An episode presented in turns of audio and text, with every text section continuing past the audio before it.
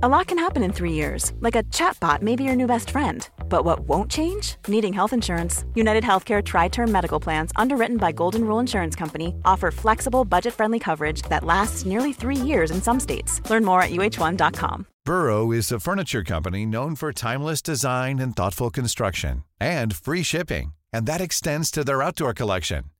Their outdoor furniture is built to withstand the elements, featuring rust-proof stainless steel hardware, weather-ready teak, and quick-dry foam cushions.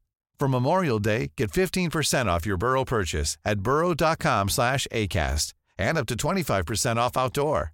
That's up to 25% off outdoor furniture at burrow.com slash ACAST.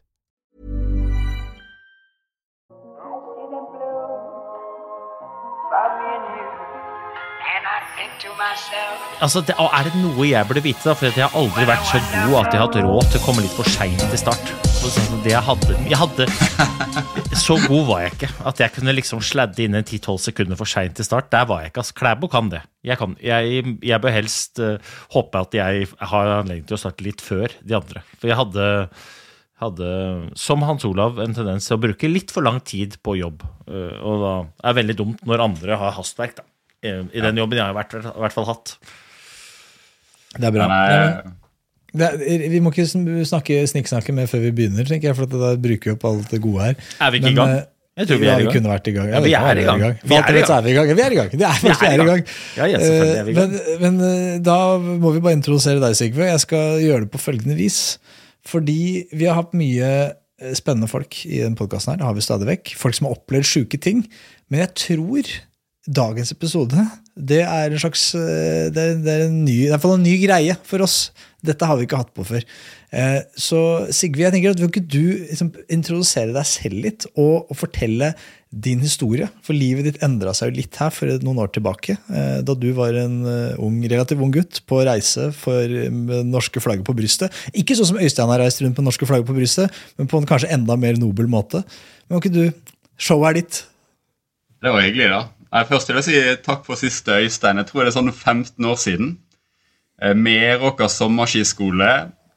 Bergenser som hadde falt i rulleskiløypen der. og Så kom Øystein og så sa han at sist han falt på rulleski, så var det i en eh, kollisjon med noen sauer. Og etter det så manglet han begge brystvortene. Så, eh, så takk for sist. Og så er det hyggelig å hilse på deg også, Hanso.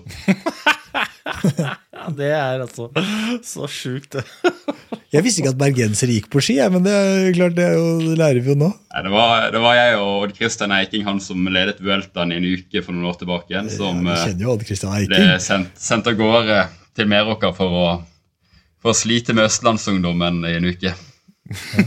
Så Nei, kom igjen, da. Det, ja, det er litt morsomt. Men, det, men, det, men her er vi, altså. Og og det var jo kanskje en form for forskuttering på altså, hvor jeg kommer fra, men akkurat nå så studerer jeg juss på Universitetet i Oslo, og jeg trives eh, godt med det. Eh, før det så jobbet jeg fem år i Forsvaret som artillerijeger. Og før der igjen så vokste jeg opp i et ja, idrettshjem der jeg drev med triatlon og svømming. Og jeg vokste opp med noen av de aller sterkeste idrettsutøverne vi har innenfor triatlon i verden i dag. Da. Så en eh, variert eh, oppvekst. og Det er mange ulike ting som har formet meg, men det er kanskje de fem årene i Forsvaret som kanskje har vært eh, ja, altså de definerende, den definerende perioden i livet mitt så langt. Og det er jo kanskje den som er mest interessant å fokusere på også. Ja. Jeg har mange spørsmål. Det aller første det er, i hvert fall Nå, som, nå er det jo krig i Ukraina, så da blir jo oss eh, liksom, pasifister som ikke ble veid og funnet for lettet til å være med i det norske forsvaret, vi lærer jo litt mer om militære og militære begreper enn jeg vanligvis har blitt eksponert for. Og dette med artilleri, da har jeg skjønt at det er noe russere er glad i. Og når du er en artillerijeger, så er det, hva, hva gjør en artillerijeger? Altså, jager du da de som skyter med artilleri, eller driver du med artilleri selv? Det er et... Uh det er jo et uh, viktig spørsmål. Det, det, det artillerijegerne gjør, det at vi, vi er en jegerpatrulje som uh, opererer bak fiendens linjer. Og så finner vi mål av høy verdi for oss, altså de er viktige for fienden. Og så beskyter vi disse gjennom å bruke uh, altså kartkoordinater.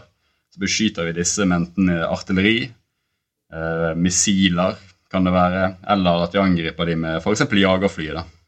Så det er egentlig primæroppgaven i en konvensjonell form for krig. Men eh, fram til Ukraina så var vi jo ganske heldige i Vesten. Vi hadde ja, fred og frihet. Og eh, da var det vanligere at vi støttet eh, andre hæravdelinger som reiste til eh, Midtøsten i forbindelse med treningsoppdrag av ja, i vår sak irakere som skulle sikre territoriet sitt mot eh, den islamske staten.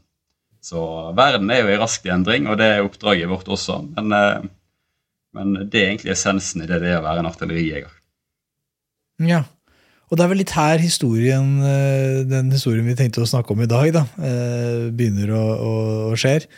Fordi du, du, har reist til Midtøsten, vært i Irak. Hvor mange ganger har du vært der? Jeg har vært én eh, tur på seks måneder i Irak. Det er seks måneder, ja. Det er tøft. Hvor, hvor gammel var du da? Jeg var 22-23 år gammel da jeg var der nede. og Det er jo en fantastisk alder. Da får man ikke redd for noe som helst. Nei. Hva sier foreldrene dine når du sier mutter'n, liten ting, jeg reiser seks måneder ned til Irak, jeg. Farligste stedet på jorda akkurat nå, i hvert fall på det tidspunktet. Jeg tenker at uh, de var nok innforstått med, med, de valgene sønnen sin tok da de gikk inn i Forsvaret. Jeg gikk befalsskolen som 18-åring rett ut fra videregående. Uh, så da blir man jo tidlig er tidlig krøket. Og så er også min far eh, tidligere offiser, så har måte, så familien har en viss forståelse for hva yrket går ut på. da. Mm. Altså, Jeg har så lyst til å spørre deg om, uh, om, mot. da. Jeg er så spent på om definisjonen din av mot endra seg uh, gjennom den historien. Men, men, men, ta historien først, da. For at jeg, mange med meg tenker sånn ja, men Ok, få høre historien. Ja, det skal vi få til. Så vi må kanskje bygge litt eh, kontekst der først. og Hvorfor er eh, norske styrker i Irak i det hele tatt? Det er jo et godt spørsmål å begynne med. Og det er sånn at eh, ja, Rundt 2014-2015 så ble jo vestlige styrker invitert til Irak for å eh, bekjempe IS. Og deretter har det vært en treningsoperasjon av irakiske styrker for å, for å måtte gi irakerne forutsetningene for å ivareta sin egen sikkerhet. Så det er i den forbindelse vi var der nede. Og den norske avdelingen som var der nede, besto av ca. 70 nordmenn. Og eh, derav eh, en del er instruktører for disse eh, irakerne. Både på ledelsesnivå og også på en måte soldatnivå. Altså hvordan, hvordan skyte riktig, hvordan, eh, ta, hvordan lappe sammen makkeren sin hvis vedkommende blir skutt. Den typen trening. Og så er det artillerijegerne igjen, som er med ned for å være eh, ja, så sleggen dersom det verste skulle skje, dersom vi selv skulle komme i en form for kampsituasjon, så kan vi kalle inn den der kampflystøtten.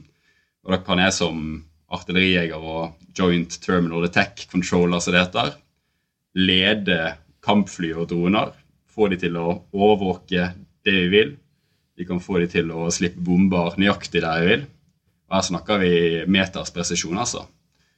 Og eh, hvis det skulle bli nødvendig, så kan vi også kalle inn helikopter og evakuere ut eller etterforsyne oss. Så det er en utrolig fleksibel eh, rolle man har som eh, JTEC, og det er jo den som var avgjørende eh, senere. Ja, det så. høres jo litt ut som du er en slags uh, sikkerhetsvakt på stasjonen der. da. Altså Det er deg Hvis if shit hits the fan, så snur vi oss til deg.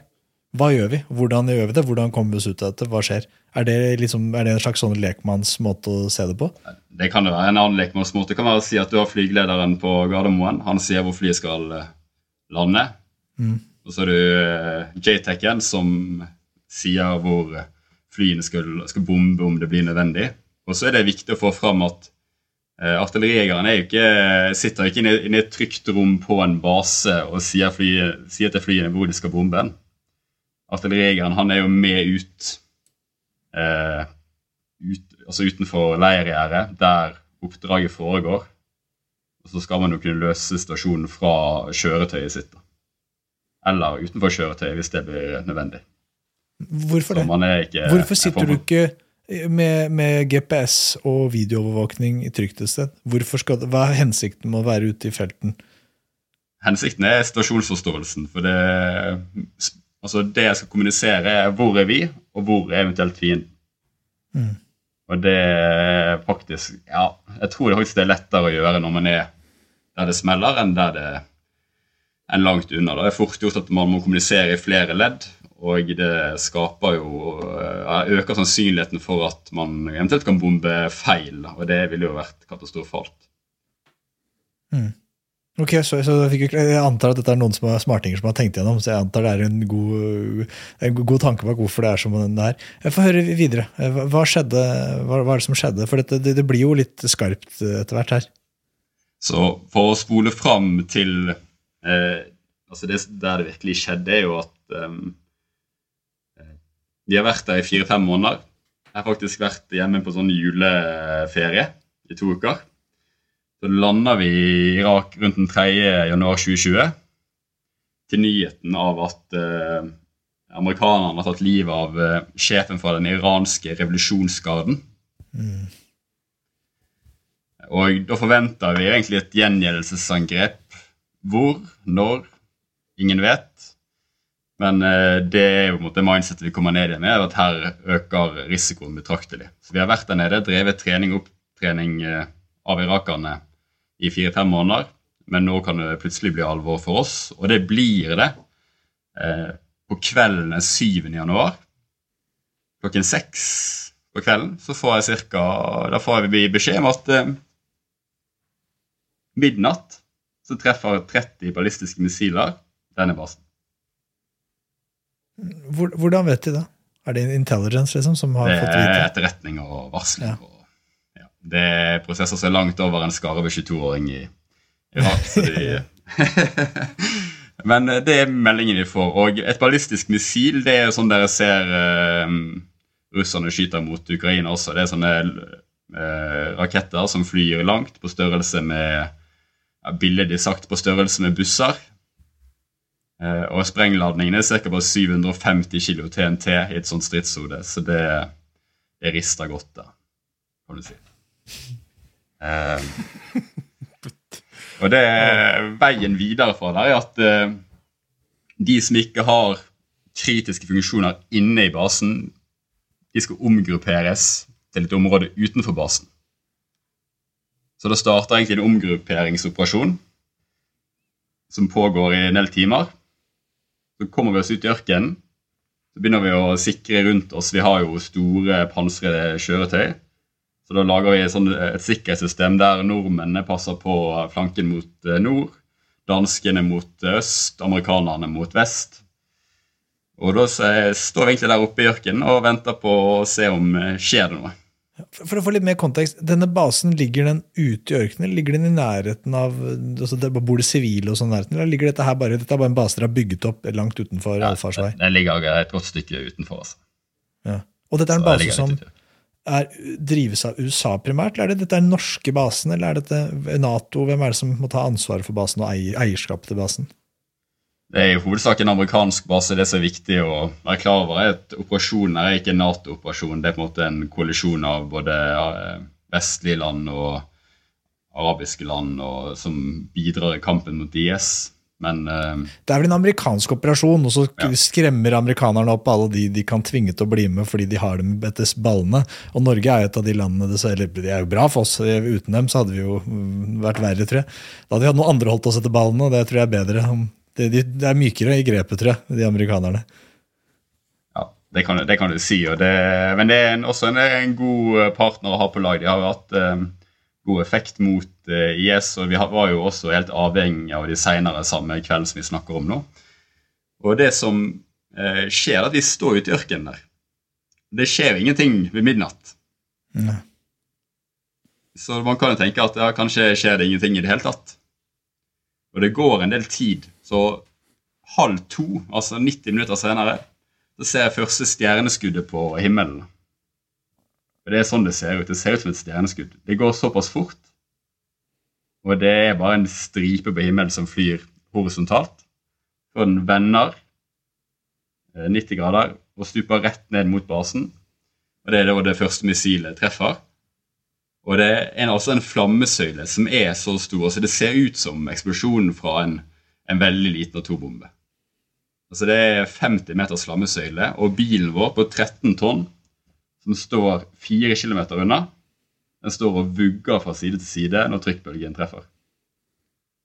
Hmm. Så det er kreften i dette. Hvordan er sorry at jeg avbryter, jeg er bare nysgjerrig på det, hvordan er stemninga dansker, amerikanere, nordmenn. Dere står og dere har fått beskjed om at sannsynligvis så treffes det en haug av missiler som skal treffe dere og basen deres, og dere bare står og venter. Dere venter på at det skal skje. Hvordan er liksom følelsen da? Du, og du sitter og vet at du har ansvaret for dette. Altså, jeg antar du svetter litt da, eller er det sånn at det, er, det er dette vi har trent for? Så dette er vi liksom, ja, det er det vi er her for. Det morsomme er at jeg egentlig ikke hadde ansvar i det hele tatt for å drive den flystøtten rundt basen. Det var det egentlig amerikanerne som som hadde eh, når vi var inne på baseområdet. Ja. Eh, men eh, for å svare på dette med eh, altså, hvordan er stemningen altså Basen Hva er en base, og det er jo en trygg havn 4000 km hjemmefra. Og så vet du at den skal bli lagt i grus. Så ser du den bli lagt i grus etter hvert. Og så er det den der eh, altså Etterpå så kommer jo sjokkbølgen og eh, flammehavet. Men altså når du sitter og venter og trykker der, så kan jo alt skje. Eller ingenting kan skje. Så du, jeg tror det er altså den ærlige beskrivelsen er at man man eh, må ikke plage seg for mye med det man ikke vet noe om. Man må sørge for at man har eh, kontroll på det man kan gjøre noe med.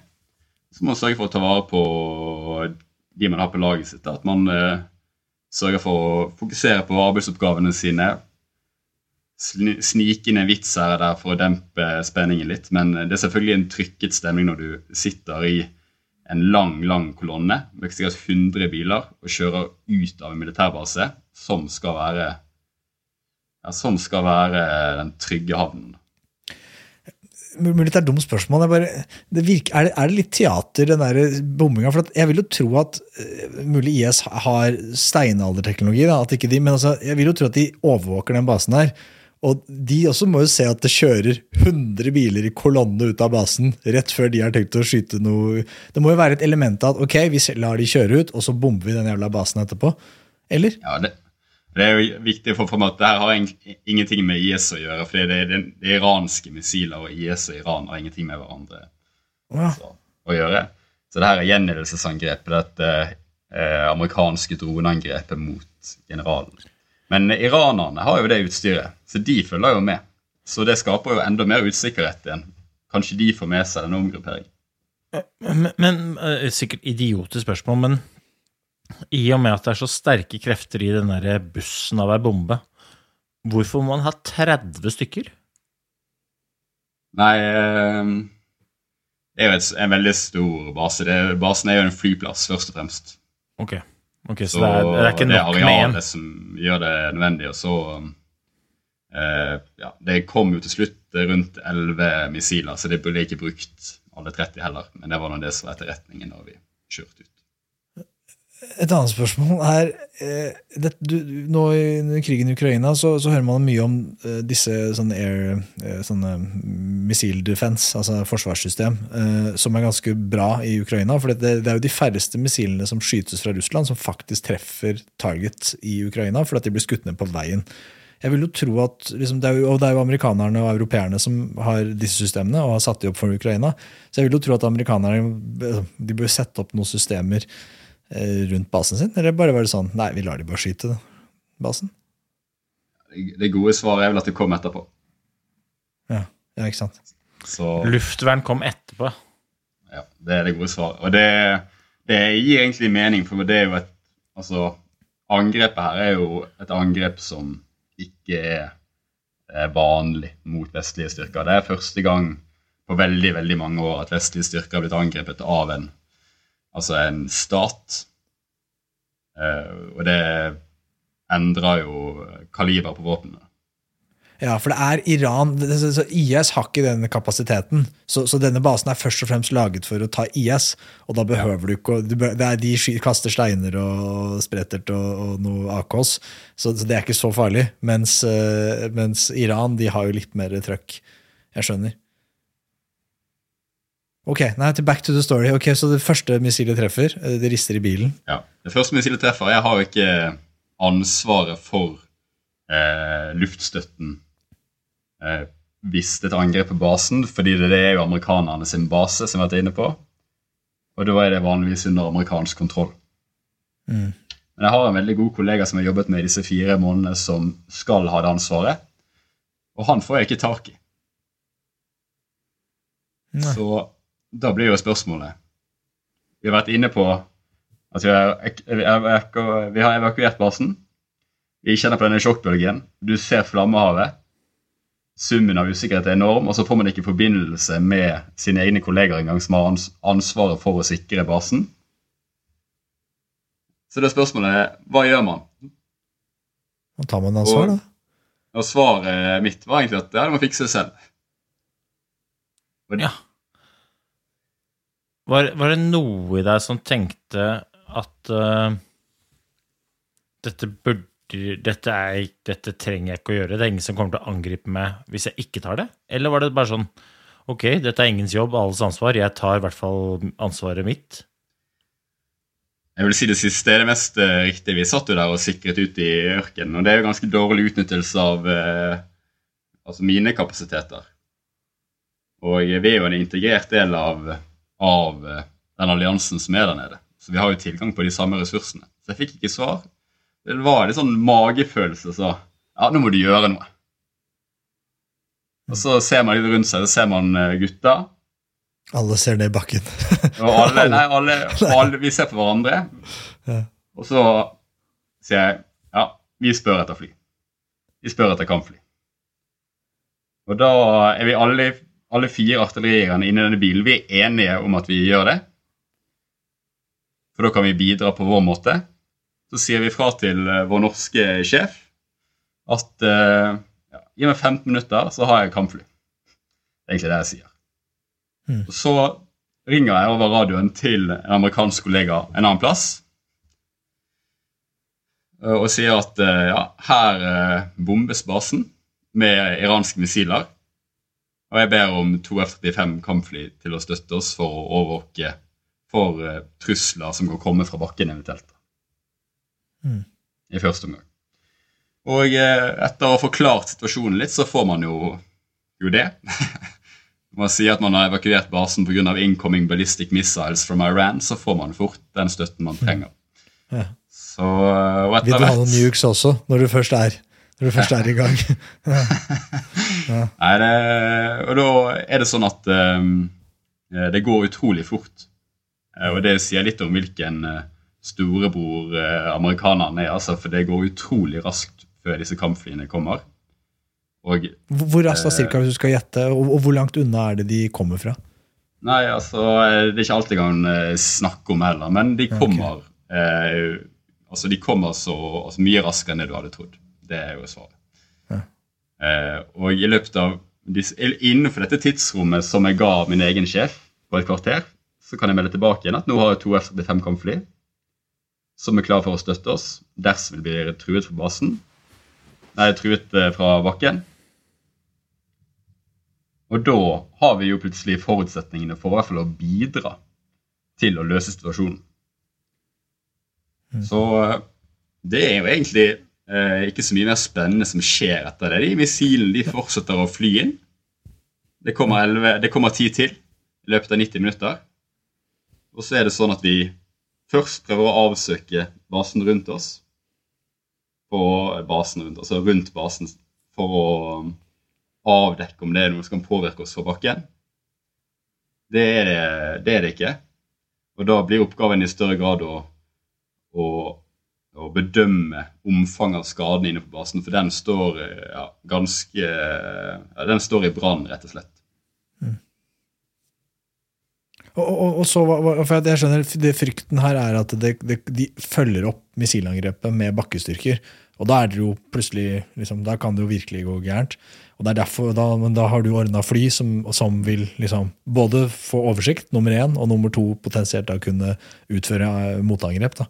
Eh, men, men hva gjør dere da? Bare sånn, altså, det skjønner jeg bare, det slutt, jeg, På en måte slutter historien nå, men på en annen måte gjør den jo ikke det. Altså, denne basen står og brenner. altså Går dere da over i li, altså ikke i livredning, men i liksom å prøve å redde basen? altså Blir dere brannmenn, eller hva, hva, gjør dere da? Det som eh, skjedde, er at vi bruker disse flyene til å avsøke baseområdet. Og så finner vi ut hvor Altså vi får en vurdering av skadeomfanget.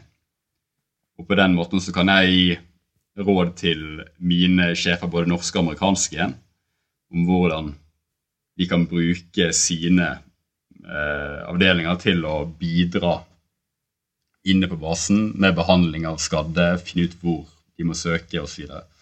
så det er, sånn, det er jo egentlig en krisehåndteringsprosess, det her.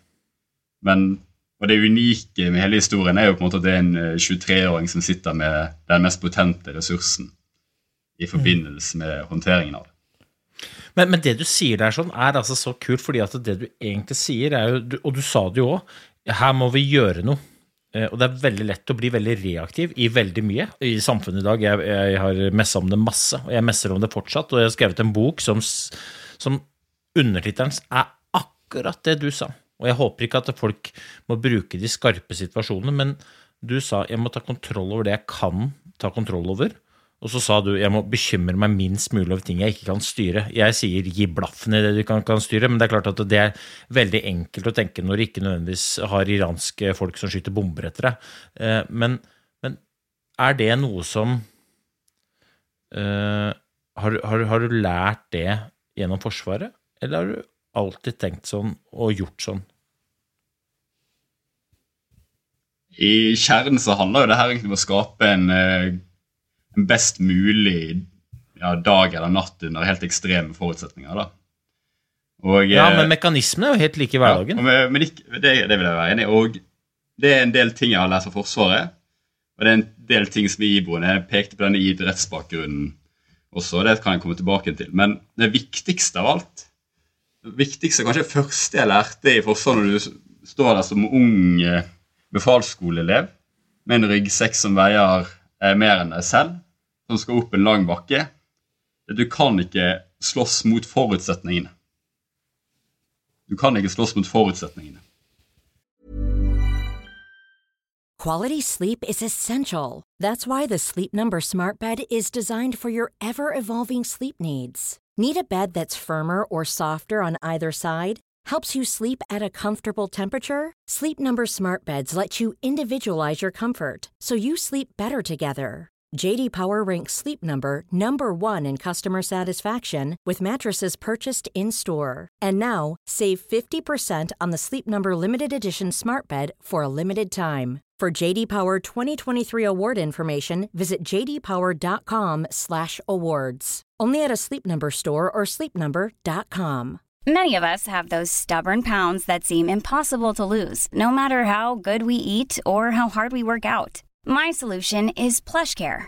PlushCare is a leading telehealth provider with doctors who are there for you day and night to partner with you in your weight loss journey. They can prescribe FDA-approved weight loss medications like Wagovi and Zepbound for those who qualify. Plus, they accept most insurance plans. To get started, visit plushcare.com slash weight loss. That's plushcare.com slash weight loss. Og hvis du klarer å luke bort forutsetningene, så kan du begynne å fokusere på arbeidsoppgavene. Og som ung befalselev, 18 år gammel, så er jo det å klare å gå opp bakken. Og så I løpet av mine fem år i Forsvaret så ble det å se sin egen base stå i brann, kontrollere eh, fly på engelsk, rådgi egne sjefer på norsk, rådgi amerikanske sjefer på engelsk igjen. Og lage gode løsninger med de verktøyene vi hadde. Så det er på en måte en del av den militære altså Det er det man får fra det militære. Men så vil det jo Dere kanskje kjenner dere igjen i altså Det er et oppgavefokus. da. Så mm. hva er det jeg kan gjøre noe med? Oppgavefokuset er jo det samme for langrennsløperen eller svømmeren eller triatleten som skal komme først over mållinjen. Men er det, er det, ikke det er det ikke det for alle? Om det er studenten du sier du studerer, eller om det er for moren eller faren, eller hvem det hvem, Altså Hvis vi har fokus på det vi gjør, og ikke nødvendigvis er så forbaska opptatt av resultatet hele tiden, så er jo sannsynligheten ganske mye større for at vi får bedre resultater også. Men vi har tendens til å legge altfor mye vekt på resultatene seg selv. Og så glemmer vi at ja, det er så mange ting der du dessverre ikke får styrt. Og så sitter vi og reagerer. Jeg tror du har veldig rett der. og det er jo det det her handler om. Det handler om å bare fatte tiltak. Men det der er ikke det der, det der, er, det der er ikke bare Selv om det er veldig selvfølgelig, så er det også like selvfølgelig at ikke alle som gjør det. Og jeg tror oppriktig at alle sammen på et eller annet vis i hvert fall har hørt det, og så er det sikkert noen også som, som vet det, men det å faktisk gjøre det Jeg blir veldig ofte uh, tatt for å slå ned vidåpne dører, og så uh, har jeg jo jobba med nok folk, og også hatt æren av å jobbe med Forsvaret, til å vite at men det er jo sånn det fungerer. Men likevel, da, så, um, så, så, opp, så opplever jeg motstand. Men er, er det her mot kommer liksom? Altså mot til å agere, og ikke bare mot til å reagere. Altså, hva er mot for deg? Mot for meg det er jo et, uh, veldig, godt, et veldig godt spørsmål. Så mot for meg, Jeg syns ikke jeg var så veldig modig i denne situasjonen. her, og Jeg syns ikke denne situasjonen her handler så mye om mot for min egen del. For, for min del var svaret ganske klart. Men det her, i min verden, så handler det her om forberedelser. Ja. Det så det, om, det, handler om ansvarlighet mer ja. enn om mot? Det vil jeg absolutt påstå at det gjør. Det handler om eh, Og det som er mottoet som jeg har eh, altså Som ung sersjant så var jeg opptatt av eh, disse polfarerne. Og Amundsen har jo mange sitater om hva flaks egentlig er for noe. Han snakker mye om forberedelser. Og jeg tenkte hvordan kan jeg koke ned det her i, en, i ett motto, så jeg skal lære bort til mine lag når jeg er 19-20-21 år gammel patruljefører for fem andre artillerijegere. Vi lagde mottoet 'Den forberedte overlever'. Mm. Den forberedte overlever. Og det er akkurat det samme som skjer den, den natten her, at vi får behov for forberedelsene våre. Og pga. at vi har forutsetningen for å lykkes, så lykkes vi så godt vi kan. Ja, det der, det, der er, det, der er, eh, det der er veldig enkelt og ekstremt smart, fordi at er vel Når du sier det, så tenker jeg sånn det er vel nesten umulig å agere hvis ikke du vet eh, hva det er du skal agere basert på. Da er du nesten dømt til å reagere, og kanskje det er det som er problemet. At vi er altfor ubevisste på forberedelsene. Og så går vi ut, og så gjør vi så godt vi kan, basert på reaksjonene som vi får, eh, og instinktene der og da. Men det er jo Og det kan jo gå bra, det er ikke det, liksom. men men det er veldig sjelden at det blir optimalt hvis ikke du virkelig forbereder deg. Og jo høyere nivå, eller jo skarpere situasjonen er, da, jo mer målet krever, jo desto viktigere er de forbanna forberedelsene. Men der slurver vi jo. Mm. Her er jo eh, bindingen til trening. Da. Det er jo litt det du egentlig sier. Det å være godt forberedt og det å være best trent det henger veldig mye sammen. Jeg tror Simen Hekstad Krüger han vant rubb og stubb av distansegull han stilte opp på i VM nå på ski, fordi han var best forberedt på de arbeidsoppgavene som måtte til for å være best på distanse i det mesterskapet. Jeg sa på en annen måte, Han hadde trent, han hadde øvd og øvd og øvd. og øvd. Han til slutt skal gå motbakker i VM, ja, da er han jo best på å gå motbakker, for han hadde øvd mest på det. Dette, dette, er altså så jeg, jeg har, Akkurat i dag har jeg lagt ut en video rundt disse mekanismene, faktisk. Fordi at jeg sier det at eh, resultater, uansett hva slags resultater vi snakker om, det er konsekvenser av valg du tar, handlinger du gjør. Eventuelt av valg du ikke tar, og handlinger du ikke gjør. Og så er det en haug av ting rundt resultatet du ikke får styrt. F.eks. iranske missiler. Men cruxet her sånn er jo at eh, det er jo ikke alltid sånn at vi ser konsekvensene av handlingene våre eller valgene våre med en gang. Så du får ikke nødvendigvis direkte belønning for eh, god, godt arbeid dagen etter. Og heller ikke direkte straff for slurv dagen etter. Du ser det ikke før du står der i, i liksom situasjonen. Mm. Og, og, det der er dritskummelt, fordi noen ganger så er det til og med sånn at du føler at det å gjøre det riktig er en straff, ikke en belønning. Ikke sant? For noen ganger så er det jo ok, jeg velger å ikke gjøre det riktige. Oh, det, det, er behagelig. Da ser jeg på episode sju av Exit, og så spiser jeg cheese doodles. Og så har jeg ikke noe sånn sjukt dårligere helse i morgen. Eh, men hvis du holder på med det i fem år og treffer en skarp situasjon, å ja, men da får du, da får du sett det. Motsatt. Hvis du gjør noe for helsa di, da, bare for å bruke trening som et eksempel du, Jeg skal komme i bedre form, jeg skal faen meg bli bedre. Jeg stikker og trener. Sannsynligheten for at du da må gjøre noen øvelser du ikke har trent på, er ganske stor. Og dagen etter, konsekvensen av at du gjør riktige ting da, er at du er støl. Du har ikke fått god helse, men du er bare drita støl. Du møtte motstand. Og den der limboen der sånn, tror jeg er hele tiden i spill. da. Og det gjør at folk er dårlig forberedt. Og igjen, re- bare må reagere, og ikke agere. Det er, er spennende. De sier jo eh, eh, altså Grunnsteinen i militær trening er jo at you do not rise to the occasion in combat. You sink to the level of your training. Og, eh, Den- Smak på den, folkens. ass. Smak på den, ass. Og jeg må være ærlig på at jeg har eh, sunket til nivået av treningen min i mange eh, stasjoner. Ikke i eh, en så skarp en som det her, men man har gjerne fått i oppgave å håndtere så å si åtte kampfly samtidig. Da Da trener man jo helt på limit av hva man er klarer å få til. Og den simultankapasiteten der, den må jo trenes. Og, men det akkurat sånn vi driver og trener. Hva var det vi gjorde for å få den tilliten og muligheten til å, å være den viktige eh, støtten vi kunne være natt til 8. januar i 2020? Jo, vi kom ned til, eh, til Irak i august med mottoet 'Den forberedte overlever'. Og i Irak i august 2020 da hadde det vært ingen angrep mot denne basen på lang, lang tid. Men vi begynner å forberede oss, for det verste kan jo skje. Og Vi begynner å bygge nettverk mot amerikanske motparter, og vi gjennomfører noen utrolig komplekse treningsøvelser. Så vi driver og forbereder oss hele veien. Og da har det ingenting å si at 2. januar var jeg i Norge og sto på ski i Villaløypa. Da har det ingenting å si at jeg gjorde det. Det er jo forberedt. Og 8. januar da viste jeg at vi var klare. Fordi vi hadde forberedt oss på at det aller verste kunne skje. Vi var ikke forberedt på et eh, missilangrep fra Iran. Men vi hadde forberedt hele verktøykassen vår i tilfelle noe skjer. Og det er jo egentlig en utrolig eh, lærdom å ta med seg videre. da. At alle disse små, riktige valgene, valget om å jobbe litt ekstra lenge den ene kvelden, framfor å ligge på, eh, på iPaden og chatte med mor og far, ja, det belønte seg i det, i det lange løp. da. Det gjorde det. Du svarte ikke helt på spørsmålet til Øystein som jeg er fascinert av. Jeg også har æren av å kjenne en del folk som har gått på befalsskolen, eh, og ikke nødvendigvis gjort så lang karriere som du har gjort i ettertid. og De har jo ikke reist sørover og så videre. Men, men fellesnevneren der er at jeg opplever de som som, som stoikere, altså som jeg opplever deg òg. At det er veldig sånn, man, de, de tar kontroll over det de tar kontroll over. De, er, de, er, de har en sånn de har stayerevne. Det er gritt, det er gode folk. da, Det er sånn hel ved-folk.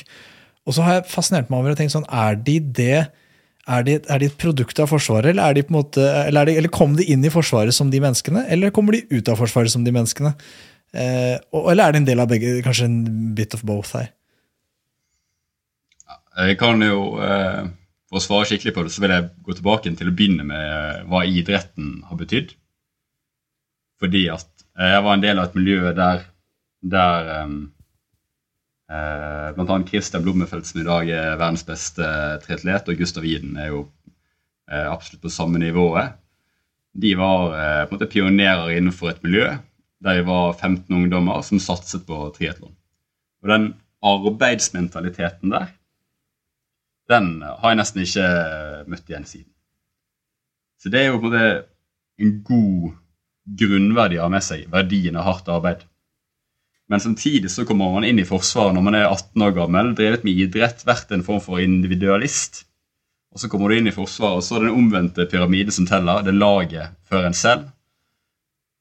Og det medfører jo at svaret blir litt av begge deler. Man kan gjerne ha med seg gode grunnverdier inn i Forsvaret, men jeg tror Forsvaret kapitaliserer kapitalisere på de gode grunnverdiene, og så former de eh, former de soldatene gjennom å eksponere en for eh, tøffe situasjoner, stressende situasjoner, der man ikke lykkes hvis ikke alle bidrar. Så, eh, og den roen den tror jeg kommer av at man har opplevd å være utrolig stressa i noen situasjoner. Så ser man at det ikke funker i det hele tatt. Hvis du begynner å skal gjøre ti ting samtidig, så får du ingenting til. Men du begynner å spalte liksom den store oppgaven inn i små delmål, og så blir plutselig det aller meste mulig. Det er så mange ting der som er så bra. Da. Jeg synes en av de tingene som jeg tror veldig mange har eh, godt av å reflektere litt over, er liksom eh, betydningen av eget bidrag inn i ei gruppe. For, for, som du sier, da, liksom man, man, er avhengig av at alle sammen faktisk eh, ikke bare møter opp, men faktisk bidrar, og bidrar på sitt aller beste. og det uansett om man vil eller ikke, så vil man jo bidra. Hun, Marit Breivik sier jo det at det er ingen som fortjener å være på et lag som er bedre enn det man er villig til å skape sjøl. Og, og, det samme er det militære, og det samme er det i bedriftsmiljøet eller i, i familien eller i klassen eller Altså, det er Det der forbanna eierskapet der er altså så viktig for å få tak på det. Eh, og så er det jo sånn at eh, for å klare å få til disse mekanismene, så må man jo være trygg nok til å være enig om hva er det vi skal skape, hva er det vi skal få til, og hvordan er det vi skal gjøre det, slik at man faktisk kan begynne å, få det til. Og, og, og, det er jo det du peker på. liksom sånn, uh, hvis, vi, hvis, vi et, hvis, vi, har et, mål og det krever ti ting, og du prøver å gjøre alle de ti tingene på likt, så blir det ikke noe. Ikke sant? Uh, jeg snakker mye om at uh, de beste gjør innmari mye av bitte litt. Mens de aller fleste gjør bitte litt av innmari mye. Og det er to forskjellige ting, men det er akkurat det du snakker om. da. Og det er veldig gøy å høre liksom mekanisme igjen. Altså, de der mekanismene som vi jobber med, er, er helt like, men, men, det handler jo om å altså, Det er klart at det blir ekstremt når det er skarpe oppdrag, da. Men på, på ett vis så er det, for, det er skarpt oppdrag for alle. Hver eneste dag der ute så er det skarpe oppdrag, bare at eh, konsekvensen av feilen er ikke så stor. Men det hjelper ikke å si jeg skal skjerpe meg når det smeller, for da er det for seint. Da er du ikke i stand til å være med, da. Da er du dessverre spilt utover sidelinjen. Og um, jeg tror, og jeg har sagt det noen ganger når jeg holder foredrag også, at det er mange som blander liksom mål og ønske. Hvor mål handler om hva du må gjøre for å få til. Mens ønske handler om hva alle andre må gjøre for at ditt ønske skal oppfylles. Jeg tror det er fryktelig mange som ønsker å være på et bra lag, ønsker å være i en bra avdeling, ønsker å få til et eller annet, men så gjør det ingenting. Og når man kommer til sånne oppdrag som du holder på med, da Man må ikke ønske at det skal gå bra. Ass. Man må ikke ønske at vi er godt forberedt. Vi må faen meg jobbe alt vi kan for at vi er forberedt. Og så får det stå sin prøve. Men vi skal ikke gå rundt og håpe og lene oss tilbake og, og tro på nissen, folkens. La oss jobbe. Mm. Den best forberedte overlever. Den forberedte overlever. Og eh, der er jo det sånn at man jobber og skal overleve i lag, så må man også ha tillit til laget. Og Det er jo fordelen av å komme hjemmefra med, med veldig god trening sammen. Og Der har jo Forsvaret kanskje en unik anledning til faktisk å, å trene lagene sine. For eh, det er noe sånn at hvis du jobber i et advokatfirma eller hvor som helst, så, så får du ikke tid til å trene på å være god. Da må du få til å du må få til denne treningen i løpet av arbeidsdagen på faktiske problemstillinger. Så det tror jeg er en, en forskjell og en, en, fordel som Forsvaret og idretten har kontra alt og alle andre. og Det er jo en, en utfordring man må eh, overkomme. Men der er jo dette med å, med å, være flink til å dele opp i små oppgaver, altså deloppgaver, og være bevisst på prosessen, jeg tror det er utrolig viktig for å, for å lykkes. Mm. Vi skal jo snart la deg tre av her, men det siste spørsmål som også er litt om det samme. men eh, er det, slik, er det stor forskjell mellom nasjonene? Du har vært på base her med, med dansker og amerikanere, i hvert fall, som du har nevnt. Kanskje flere. Opplever du at tren, altså graden av trening og som, hva skal jeg si, som, er, er, det noe er nordmenn, vil du si, eh, gjengs over bedre trent, bedre forberedt eh, enn andre nasjoner, eller er det jevnt over det samme? Okay, jeg skal snakke ned noe. Jeg skal heller snakke opp oss selv. Norske, altså det norske forsvaret de, altså, leverer et utrolig bra produkt. Har utrolig høy evne til å samarbeide med alle slags nasjoner. Det norske måte, lynnet det går veldig godt overens med de aller fleste kulturer. Og eh, det investeres mye i at de som reiser ut, skal være så gode som mulig. Så basert på det jeg har sett, så holder vi i hvert fall utrolig høy standard. Ja, det var utrolig diplomatisk. Jeg søkte jo etter så litt mer tabloid eh, juice, men jeg ser Ja, at vi er det selvfølgelig foreligger. best i verden. Ja, ja, best i verden. Sitat. Norge er best i verden, alle andre suger. Ok, der har vi det.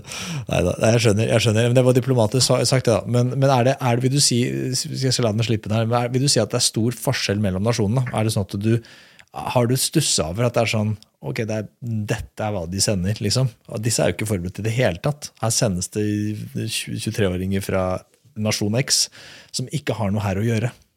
Det er farlig for dem, og det er farlig, farlig for oss andre her nede. Jeg har vært eh, instruktør for uh, norske marines i Norge under vintertrening. Og uh, for å si det sånn, de fighter er ikke forutsetninger, de heller. Og de gir uh, gass som bare det. Første gang de har gått på ski noen gang. Så det er Jeg tror de har skjønt eh, essensen, de også. Og eh, jeg er temmelig sikker på at eh, de vi de landene vi samarbeider med i Nato i dag, det er utrolig, utrolig altså kompetente systemer. Så skal vi si at selvfølgelig er nordmenn best på vinterforhold. Eh, vi er ganske gode i ørkenen også, men det handler om at vinteren er utrolig vanskelig å håndtere. Og jeg tror vinteren er jo perfekt eh, lekearena for å lære seg ikke fighte forutsetninger. For, jeg, på vintervidden så tar forutsetningene deg hvis du ikke klarer å leve med dem. Det er et innmari godt perspektiv. Ass. Det der har jeg ikke Det der, det der eh, kommer jeg skal jeg gå meg noen skitur og reflektere på. Ass. Ikke fighte forutsetningene. Jeg, jeg tror faktisk jeg skal ta med meg det rådet inn i Birken når jeg skal gå Birken til helga. Ikke fighte forutsetninger, for jeg vet at jeg er dårlig forberedt, og da hjelper det veldig dårlig å gi bånn Johnny fra start, for at da kommer jeg til å fighte forutsetningene, og det, jeg vet hvordan det kommer til å gå. Jeg, er, eh, jeg takker, det er veldig bra at du, etter at jeg har gitt deg noen uh, skremselspropagandahistorier om når jeg tryna på rulleski, at du kan gjengjelde tjenesten med å gi meg noen gode råd før Birken. Det, det setter jeg pris på. Eh, Det skal du vite. Så når jeg kommer smørblid til Sjusjå, så sier jeg ble. Tar igjen folk som har sprekte. Må, ikke- må, må ikke fighte forutsetningene, folkens. Her, det må du må ta kontroll over noe annet.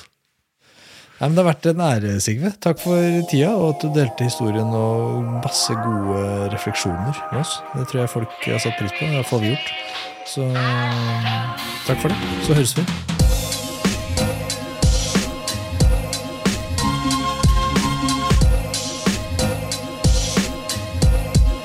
What a wonderful world.